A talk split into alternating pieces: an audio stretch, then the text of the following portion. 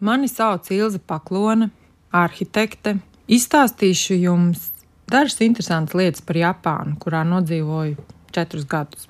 Vai zinājāt, ka Šibujas krustojuma Tokijā ikdienas čērso divu miljonu gājēju? Pārsteidzoši, ka katrs sajūt savu vietu, savas robežas un savu trajektoriju. Nekad nevienu nesmu redzējis uzskrienam virsū kādam citam cilvēkam vai kādam dzīvniekam. Visi kustās it kā vienotā scenogrāfijā, iepriekš neiestudētā. Es vienmēr esmu domājis, ja es tur stāvētu visu dienu, man garām paiet visi Latvijas iedzīvotāji. Man ļoti patika šim te krustojumam doties cauri ar velosipēdu. Es izmēģināju visos virzienos izbraukt cauri un pārbaudīt, vai es spēju iejusties starp cilvēkiem tā, lai arī es nekad nevienam neuzskrietu virsū, bet būtu šīs scenogrāfijas daļa. Un neskatoties uz to, ka vienu no lielākajiem pasaules krustojumiem šķērso ikdienu divu miljonu cilvēku, un pilsētā ir 30 miljoni cilvēku, Tokija atklājas pārsteidzoši kompakta un maza. Vai zinājāt arī, ka Japānā neformāli joprojām lieto seno garumu un laukumu mērus?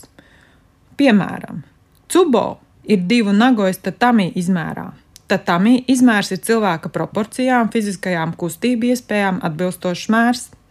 Tā platums ir 91 cm, savukārt garums - divas reizes platums. Tas ir 1,82 cm. Mans dzīvoklis Tokijā četrus gadus bija 4,5 cubo liels. Tas ir aptuveni 14,8 km2. Tajā ietilpa istaba, vannas istaba, virtuve, priekšnams un arī balkons. Un izrādās, viss tajā satilpst tieši šajos 14 kvadrātmetros. Tiesa dzīve tādā mikromītnē kārtojas pavisam citādi. Visa pilsēta ir tava viesistaba, visa pilsēta ir tava dzīvojamā istaba un arī virtuve. Uz mājām tu atnāc tikai atpūsties no pilsētas trokšņa, Tā ir mirklīga noslēgšanās no visas daudzslāņānās, visas pilsētas viesistabas sajūtas. Tā dzīvo lielākā daļa no 30 miljoniem Tokijas iedzīvotāju.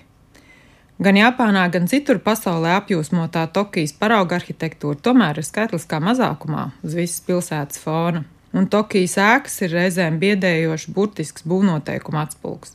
Te ir nošļaupums gaismai, te atkāp ieejai, te izvirzījums telpas iegūšanai, ne mazāk, ne vairāk tāda godīga kodu estētika.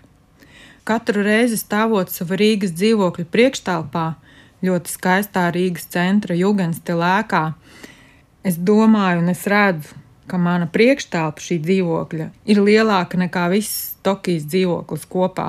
Salīdzināt īsti to nevar, jo tas ir pilnīgi cits dzīvesveids, ar pilnīgi citu izpratni par to, kas ikdienā ir vajadzīgs un kā ikdienas dzīve tiek organizēta. Pavisam nedaudzie sadzīves priekšmeti nozīmē, ka mājās tiešām nekā nav. Manās mājās nebija ne leduskapja, ne veļas mašīnas, un patiesībā nebija arī apkurss sistēmas. Ziemā manu mazo mikro dzīvokli apsildīja karstais gaiss no kondicionēšanas iekārtas.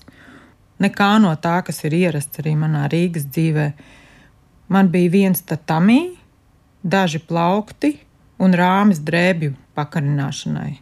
Mājās gandrīz neviens nēd, gandrīz neviens negatavo, jo visa dzīve paiet ārpus mājas.